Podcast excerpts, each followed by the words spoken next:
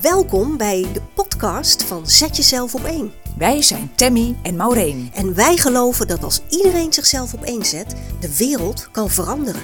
Als je helemaal jezelf bent, thuis, op je werk, in je relatie, dan respecteer je je eigen wensen, je grenzen en dus ook die van een ander. En hoe zou de wereld er dan uitzien? Nou, lieve mensen, daar zijn we weer. Nieuwe dag, nieuwe kansen, nieuwe podcast. En vandaag hebben we te gast Johan Vos. En die wordt op een vlammende manier geïntroduceerd door Maureen. Ah, welkom Johan. Johan is geestelijk verzorger in de ouderenzorg. En daarnaast is hij bijna 25 jaar predikant. En wij hebben Johan uitgenodigd omdat hij bij uitstek een beroep heeft waar je constant van jezelf geeft. En waar het dus op de loer ligt om daarin door te schieten. Hè, Johan? En we willen graag met hem in gesprek over hoe hij in zijn mooie vak, waar hij klaar staat voor mensen, toch ook zijn eigen grenzen bewaakt. Nou, in een notendop. Echt hè? Ja. Klopt het, Johan? Ja, eh, zeker. Het, het, mijn werk als geestelijk verzorger is een, is een gevend beroep. Ehm, ik praat heel veel met mensen. Eh, mensen geven me heel veel vertrouwen, maar ik hoor ook ontzettend veel verhalen van mensen. En dat loop ik echt het gevaar om eh, mezelf soms voorbij te lopen. Uh, ik heb het regelmatig tegen mezelf over mentaal evenwicht, maar het is soms een hele kunst om dat mentale evenwicht te blijven bewaren. En uh, dat mentale evenwicht, als, ik ben ook 25 jaar bijna predikant geweest en ben ik nog. Maar soms heb ik ook het gevoel dat ik heel veel ballen in de lucht moet houden daardoor. En twaalf jaar geleden, toen was ik nog geen geestelijk verzorger, maar was ik eigenlijk alleen maar aan het geven, aan het pleasen, aan het zorgen voor mensen. En toen ben ik ook eigenlijk negen maanden niet aan het werk geweest daardoor. Omdat ik alleen maar bezig was met de verwachtingen van andere mensen. Ja. En mezelf dus voorbij ben Precies. gelopen. En vond je op dat moment ook dat dat bij jouw rol paste? Dat dat ja, moest? Dat, ja, dat werd ook gevoed door uh, verwachtingen die mensen hadden van mij uh, in mijn professie. Maar het werd ook gevoed door uh, de ideeën in een kerkelijke gemeenschap die leefden rondom nou ja, predikant zijn. Ja, ja, ja. Dus om dat te doorkruisen, dat was best een hele dat opgave. Was een dingetje, ja. Dat was een dingetje, zeker. Johan, was er ook een moment, uh, dat jij twaalf jaar geleden zei je inderdaad, uh, een moment bereikte dat je dacht, nou nu, nu gaat het even niet meer. Was er een, een directe aanleiding? Was er als het ware een druppel die de emmer deed overlopen? Of was het een geleidelijk proces voor jou? Het was eigenlijk wel een druppel die... Uh die de emmer deed overlopen, deed overstromen. Hmm. Het ging uh, tijdens een vergadering eigenlijk helemaal niet goed. Uh, met mij, met in die vergadering zelf. Okay. Uh, het, het, het, die verwachtingen die er waren, waar ik dus eigenlijk ook niet aan kon voldoen, leverde op dat moment ook een conflict op. En ja, dat maakte mijn werk op dat moment heel erg onhoudbaar. En toen heb ik zelf gezegd, uh, ik moet een pas op de plaats maken. Ik uh, neem een terugtrekkende beweging. Ik uh, kan mijn werk op dit moment niet doen. En dat werd ook beaamd door de rest van die vergadering. Dat was het bestuur van de kerk op dat moment. Ja, ja. Dus ja, dat was negen maanden lang niet aan het werk zijn. Nee. Wat vond je daarvan, van jezelf? Het was een hele lastige tijd voor mij. met de spannende vraag, hoe kom ik hieruit? Hoe snel? hoe snel? ja. Uh, uh, kan ik überhaupt dat werk nog blijven doen? Ja. Uh, het was natuurlijk ook een, een, een um, hoe zeg je het, een, een teleurstelling voor mezelf om, om dat werk gewoon te moeten pas op de plaats te moeten maken ja. en dat ja. werk te moeten neerleggen. Mooi was. mijn hart en liefde Precies. heb ik mij daarvoor ingezet. Ja. Maar je kon niet anders, ik, hè? Ik, Dus kon je niet anders, wel. ik moest. Dus het was heel lastig en onzeker. Tegelijk was het, uh, dat was het bizarre ook wel een hele vruchtbare tijd. Want uh, ik had toen een hele goede coach. Uh, die mij weer een beetje op de rit uh, bracht. En het gaf heel veel ruimte voor bezinning, voor reflectie. Mm. Voor, uh, ik heb toen die periode heel veel gewandeld en gefietst. dus de natuur opgezocht, de verstilling opgezocht. En in die, juist in die periode werd ook het zaadje geplant van... ik weet niet of dit ik dit tot mijn pensioen wil blijven doen. Dat werk als predikant. Dus het zaadje van geestelijk verzorger.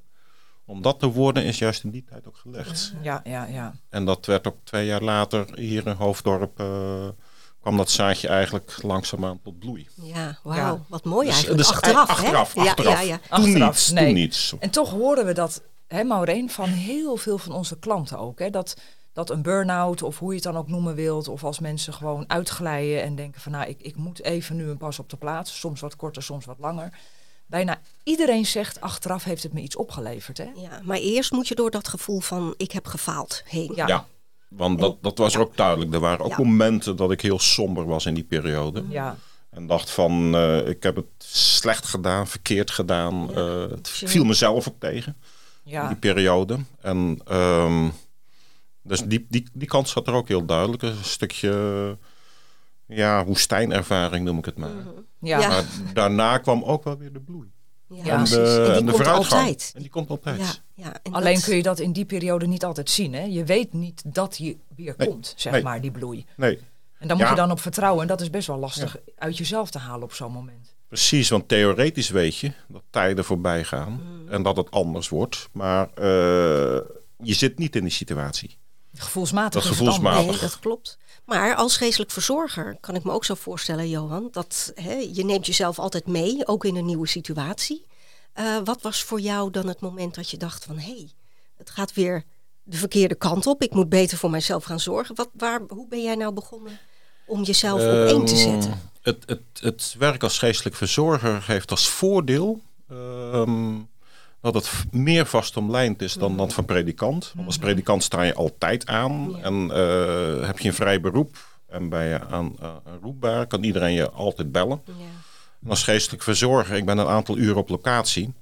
Ik reis erheen en ik ga smiddags weer terug met de auto of met de fiets. En dat is voor mij echt wel de break van eh, ik ben niet meer op locatie. Mijn werk is voor die dag voorbij. Ja. Dus dat maakt het werk als geestelijk verzorger wat makkelijker. Je bent dan ook op dat moment niet meer zichtbaar. Dus Ik- mensen hebben ook niet zoiets van... Oh, daar is Johan. Precies. Ik wil nog even wat kwijt of wat dan ook. Je bent dan echt Ik weg. ben, ik ben Ja. weg, ik ben onzichtbaar, maar tegelijk zijn er ook daar een aantal instinkers. Ja.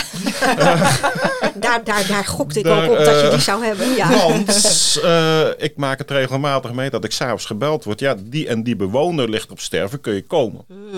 Ja, Wat doe ik dan?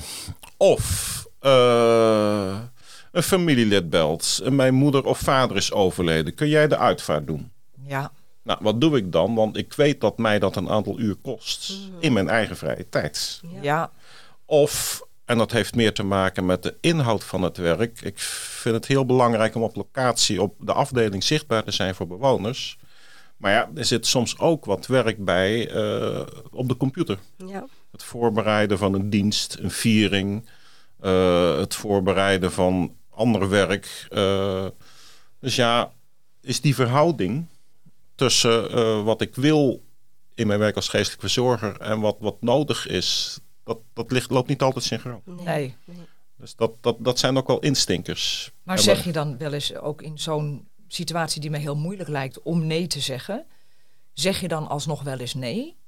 Soms wel en soms niet. Eh, de laatste paar weken waren er een paar omstandigheden dat ik echt nee moest zeggen tegen een uitvaart. Eh, ik kon echt niet, ik had er geen tijd voor. En het verraste mij hoe makkelijk eh, het mij afging om nee te zeggen. En ook hoe makkelijk dat door de familie werd geaccepteerd. Terwijl ik van tevoren er wel een klein beetje tegenop zag om nee te zeggen. Maar mijn ervaring was eigenlijk in korte tijd, in een paar weken tijd, een twee, drie keer, dat het nee zeggen eigenlijk een reuze meeviel. Ja, en dat is ook een, eh, een proces. Ja. Want als je Ja. begint met nee zeggen, dan Ja. kost dat veel meer moeite dan als je het er al een paar keer gedaan hebt. En ik, ik merkte dat, het, dat de familie het accepteerde. Oh ja, het kan ook niet. Eh, ik had ook andere afspraken die dag. Eh, en dat, dat het eigenlijk heel makkelijk geaccepteerd werd. Stel nou dat je geen afspraken had gehad die dag. Had het dan ook makkelijk gegaan, denk je? Eh, Als je gewoon heel erg moe was geweest Ja. en je denkt, ik kan het gewoon niet meer opbrengen. Nee, dat is wel een instinker om dan toch door te gaan. Eh, en meer te geven dan eigenlijk gezond ja, voor ja, me is. ja. Maar deze ervaringen helpen me wel om eh, meer de keuze voor mezelf te maken. Ja. En ja, kijk, eh Tineke, mijn vrouw, die heeft, dat- is er natuurlijk ook. En Ja. eh, ik merk de laatste tijd zeker eh, een stuk moeheid bij mezelf. Maar ik merk ook hoe waardevol het is om tijd te nemen voor mezelf. Eh, dus om gewoon nee te zeggen. Ja. Ik heb ontdekt dat nee zeggen tegen de ander ook ja zeggen is tegen jezelf. Exact. En dat, is het. Ja. En Ja. het is niet alleen waardevol om Nee. voor jezelf te kiezen, maar ook noodzakelijk. Het is ook nodig. Wil je er de volgende dag weer kunnen staan Klopt. voor die ander? Hè? Klopt. Ja.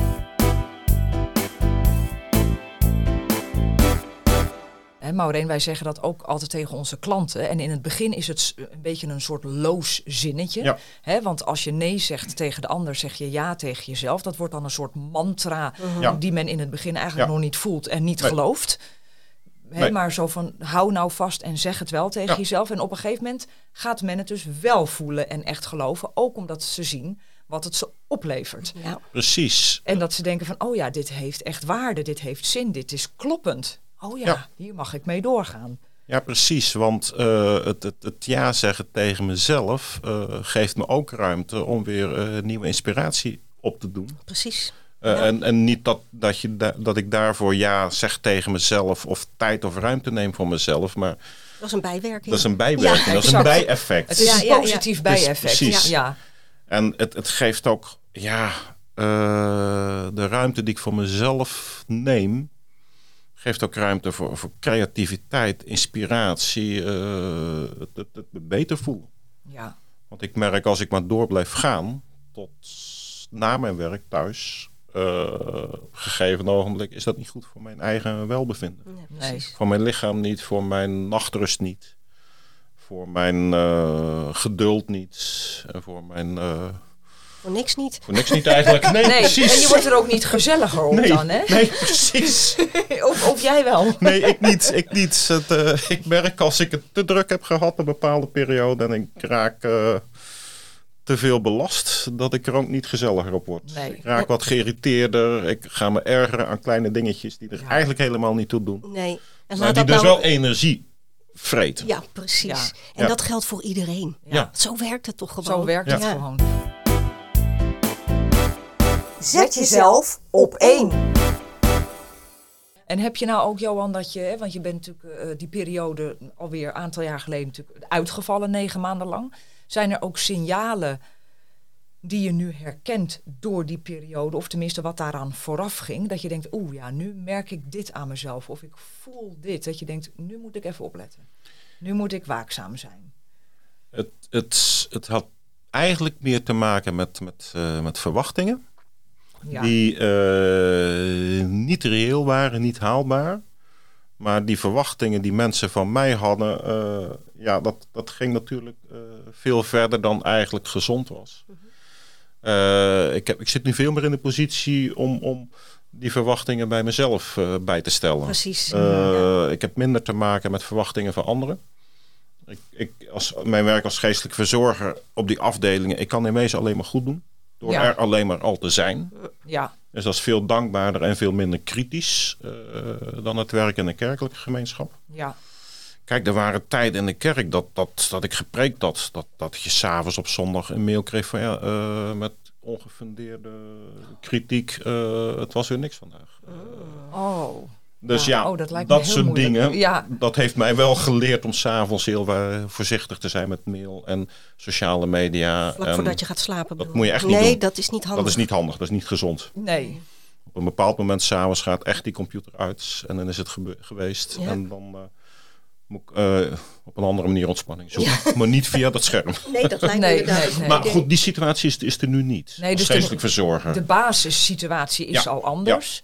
En daarbij ben je natuurlijk ook meer in staat Ja. geworden. Ja, om, om Om- nee te zeggen precies. en mezelf te beschermen. Ja, Dus die verwachtingen die een ander nog wel of niet zou hebben richting jou.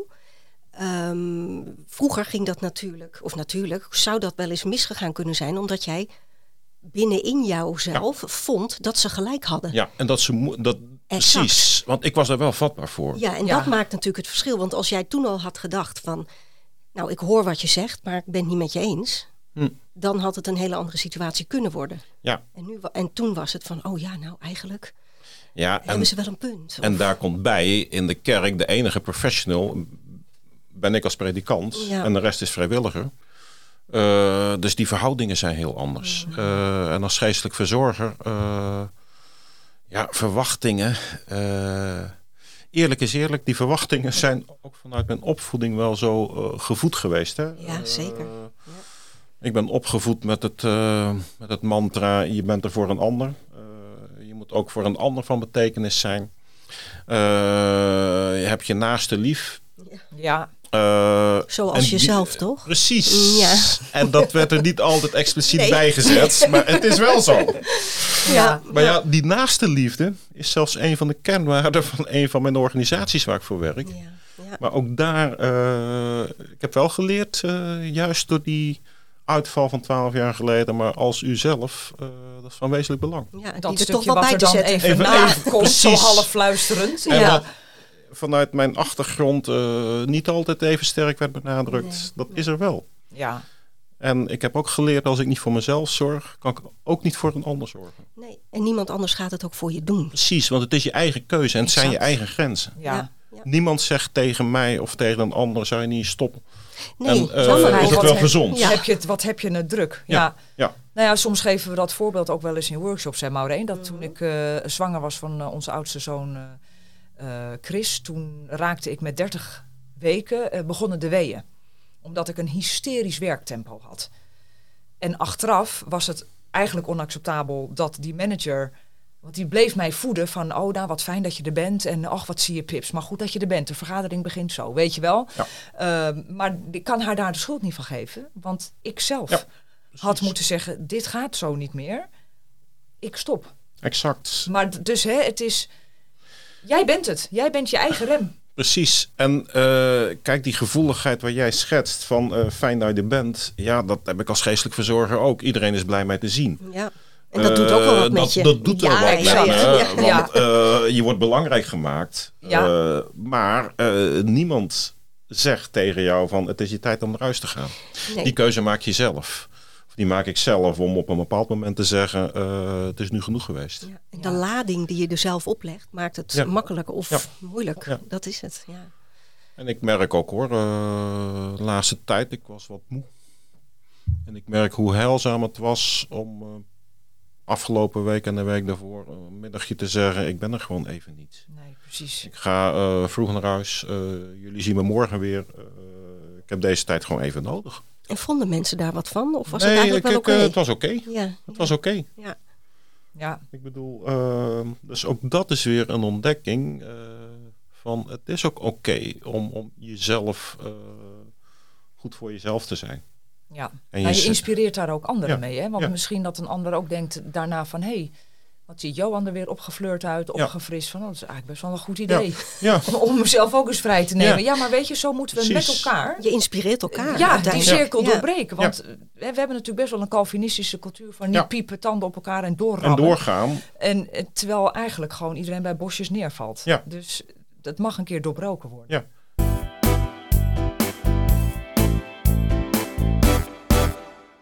En deze tijd is niet makkelijk daarin. Want uh, er komt gewoon ontzettend veel op mensen af. Ook op mij. Uh, ik, ik, doe af en toe nog wat vrijwilligerswerk in de kerk. Uh, ja, dat is natuurlijk ook gewoon eindeloos. Ja, dat ja, kan maar door. Dat blijft ja, ook ja, maar doorgaan. Dus Klopt. ja, ik leer ook wel, ik ben de bewaker van mijn eigen agenda. Ja. En, en hij zit soms vol genoeg. Ja. En dan is het gezond om ook bepaalde dingen, momenten te zeggen, het is genoeg. En hoe doe je dat dan, Johan? bewaker zijn van je agenda. Doe je dat per de eerste van de maand dat je ook kijkt van hier ga ik sowieso niks doen? Of het doe je is, dat anders? Het is veel meer, het, het, het zit niet in de hoeveelheid werk, uh, kom ik achter. Maar het zit, de belastbaarheid zit veel meer op het emotionele vlak. Uh, wat vraagt een bepaalde taak uh, qua denkvermogen mm-hmm. van mij? Qua inspiratievermogen. ja. en, en dat valt niet in uren of zo uit zeker, te plannen. Zeker, ja. En ik weet ook wel, bepaald werk geeft ook energie. Uh, het is gewoon ook fijn om op uh, mijn werk te kunnen doen. Maar bepaalde dingen vragen ook gewoon energie. En, en dan moet je ik, gewoon, ik, ja. dan, ik moet op een gegeven moment gewoon zeggen van, uh, het is genoeg. Ja, ja klopt. En laatst, laatst het was ook de vraag die iemand mij laat, laat stelde. Wil jij dit zo op deze manier? nee, dus niet altijd. Dus dan moet er iets gebeuren. En dan eh, moet die agenda leger worden. En bevraag jij jezelf dan ook op dat Ja. moment? Ja, Ja, precies. Wil ik dat wel op deze manier? En eh, ben ik hier mezelf nog? Of ben ik alleen maar aan het geven? Ja. En op een gegeven ogenblik weet ik, als ik alleen maar geef, is die emmer vroeg of laat gewoon leeg. Ja, dan, is er we- niks meer te geven. Dan is er echt niks meer te geven. En dan schakelt ons lijf vaak uit. Hè? Ons lijf en hoofd zegt dan misschien zoals twaalf jaar geleden bij jou tijdens die vergadering. Op een gegeven moment schakel je letterlijk uit. Uit. Alleen moeten we dat moment natuurlijk voor zijn. Dat Ja. zou mooier zijn. Ja. Ehm, en het is ook wat jij net mooi zei, ook, het is niet altijd in uren uit te drukken. Hè? Nee. Want, want we hebben altijd van je moet er zijn van acht tot vijf. Of Ja. van half negen tot vijf, half zes. En dan ben je zichtbaar en dat zijn je werkuren. Maar andere dingen vragen op een andere manier ook iets van je. Die Ja. niet zichtbaar zijn voor een ander. En dan zijn we zelf de, die bewaker. Ja. Want dan is het voor een ander al helemaal niet meer zichtbaar.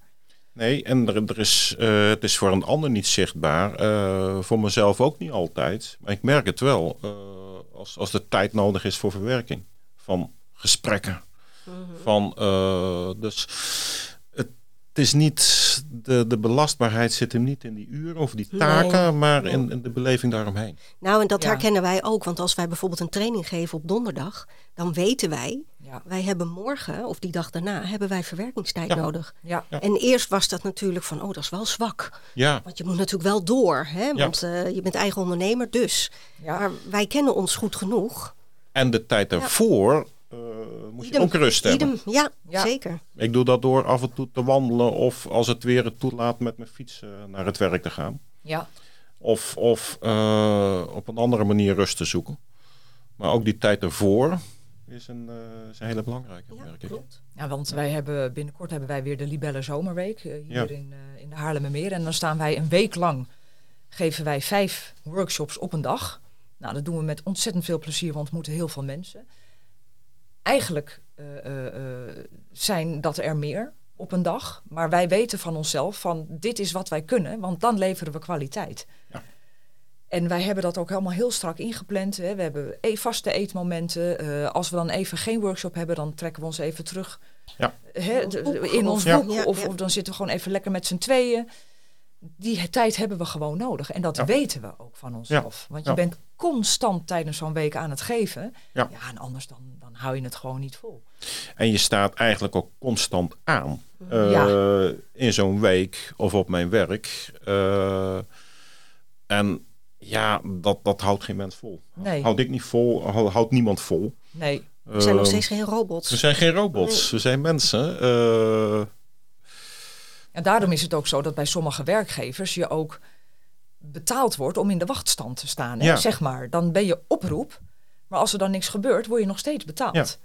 Ja. Omdat je altijd aanstaat. Ja. Je staat eigenlijk altijd in de startblokken. Je kan niet je gewone rieltje doen. Je moet altijd je boeltje bij, dichtbij hebben om te kunnen Ja. vlammen. ja, je, je staat aan, je bent beschikbaar. Eh, ik ben dat ook. Maar ja, dat grenzeloze, eh, niet op die manier. Nee, zeker niet. Ik, ik, ik, eh, soms gebruik ik gewoon praktische dingen door s'avonds na een bepaalde tijd gewoon echt niet meer op die telefoon te kijken. Gewoon echt. Eh, hup, ja, weg. de social media uit, de computer uit, de mail uit. eh, en soms doe ik het meer op, op een andere manier door, door eh, de hobby. Ja, Te wandelen, te fietsen, te fotograferen. eh, gewoon met iets heel anders bezig zijn, zodat het hoofd weer wat leeg, leeg raakt. En zo werkt het. En zo werkt het wel. Ja. Alleen, ik merk wel, het is wel een, een mentaal eh evenwichtsopgave. opgave. ja, Nou, zeker. Zeker. Zoeken naar evenwicht tussen eh, wat moet, wat kan ja. en wat gezond blijft. Ja. ja, zelfs dus in een, in een hè, waar we natuurlijk mee begonnen, zelfs in een beroep als dat van jou, waar je bij uitstek geeft, Ja. moet je misschien nog juist wel meer dan gemiddeld, Ja. Goed je eigen emmer blijven vullen Ja. en En- waakzaam zijn. En dat kan alleen maar door eh, te blijven genieten van, aan de ene kant te blijven genieten van mijn werk. eh, ook door het werk gevarieerder te maken. Zonder schuldgevoel. En dat is vaak ook wel een iets. Ja, Door eh, niet alleen maar mensen te spreken, maar ook vieringen te doen. Het voorbereiden daarvan door een stukje te schrijven voor een krantje, thuiskrant of voor een blog. Eh, dat maakt het werk gevarieerder en Dat maakt En het dus ook, leuker. En dus leuker. Ja, ja, Ja. ja. Zonder dat schuldgevoel van ik had eigenlijk die afdeling op moeten gaan. ja. Dat- dat, Ja, ja. Dus dat, dat is wel weer het lastige, maar dat is maar een gevoel. Dat is, dat, Ja, dat is- dat is mijn eigen gevoel en niemand die dat tegen me zegt. nee. Nee, precies. En Dus Nee. dat maak je ook maar, dat creëer je ook zelf. Dat, dat creëer, ik, creëer ik ook zelf. Dat creëren Ja. mensen ook zelf van ik zou moeten. Ja, En dat heeft ook te maken met, met een stuk opvoeding, met wie ik ben. Ja. Eh, met het moeilijk nee kunnen zeggen. Omdat ik vrij meegaand ben en vrijgevend. Dat is deels mijn karakter, maar deels ook mijn, eh, mijn eh, Calvinistische opvoeding. het is ook iets wat we met elkaar ook wel hoog houden. Ja, precies, want dat maakt dat dat schuldgevoel weer gevoed wordt. Ja, zo gaat het mij ook. Dus dat zijn herkenbare menselijke mechanismen. Ja. En dan is het de kunst. Want kijk, schuldgevoel zullen we altijd op in meer of mindere Ja. mate blijven houden. Want ja, dat is er nu eenmaal. Maar dan is het eh, ja, de kunst om te zeggen van oké, luister ik daarnaar? Ja. Of maak ik een andere keuze? Ja. En dat is natuurlijk jezelf opeenzetten van hé, hey, Precies. wat doe ik ermee? Laat ik mij leiden door mijn gedachten en beperkende overtuigingen? Ja, Of, Of- ga ik het anders doen? precies. Want eh, die beperkende overtuigingen, die, die worden door de, de tijd gevoed. Deze huidige eh, situatie, deze huidige samenleving. Bij mij ook door mijn opvoeding, moet ik eerlijk zeggen. Natuurlijk. Ja. Eh, Dingen die je hebt meegemaakt. Dingen die ik heb meegemaakt. eh, maar ja, het eigenlijk daartegen ingaan voelt ook een beetje als een, als een eh, stukje rebelsheid. Eh, maar is dat fout? maar dat is niet fout. heerlijk? Dat is Ja. heerlijk om even tegen de stroom in te gaan. Ja, en ja, ja. de rebel uit te hangen. Ja, ja. En, en eh, het is een rol eh, die mij van nature niet zo ligt, maar die, die ik wel nodig heb om overeind te blijven. Die je mag Nou, dat is het. cultiveren Die- die ik mag de komende cultiveren. Ja, precies. dan heb ik misschien nog een, een mooie afrondende vraag voor jou, Johan. Wat zijn nou vlakken eh, waar jij jezelf nog iets meer op één zou mogen zetten? Denk je? ruimte en tijd vragen voor mezelf. Het begrenzen van eh, wat men, waarvan ik denk dat men dat van mij vraagt. Eh, het, het, qua uren, qua werk. Ja, eigenlijk ook meer loslaten. Van, van ja, wat, wat ik hoor. En dat lukt me meestal wel eh, op de fiets of in de auto met, eh, met muziek aan. Maar ja, Het loslaten van de dag bedoel Van de je? dag. Ja, precies. Ja. loslaten van de Ja, want dag. je hoort nogal wat ook. Ik hoor- dag. ik hoor nogal je wat. hoort nogal wat en je ziet nogal wat. Ja. Ja. En dat loslaten, zodat ik gewoon ook eh, thuis eh, kan zijn wie ik ben Ja. en wie ik wil zijn. Ja. Eh, dus dat, dat meer scheiding ook tussen werk en privé.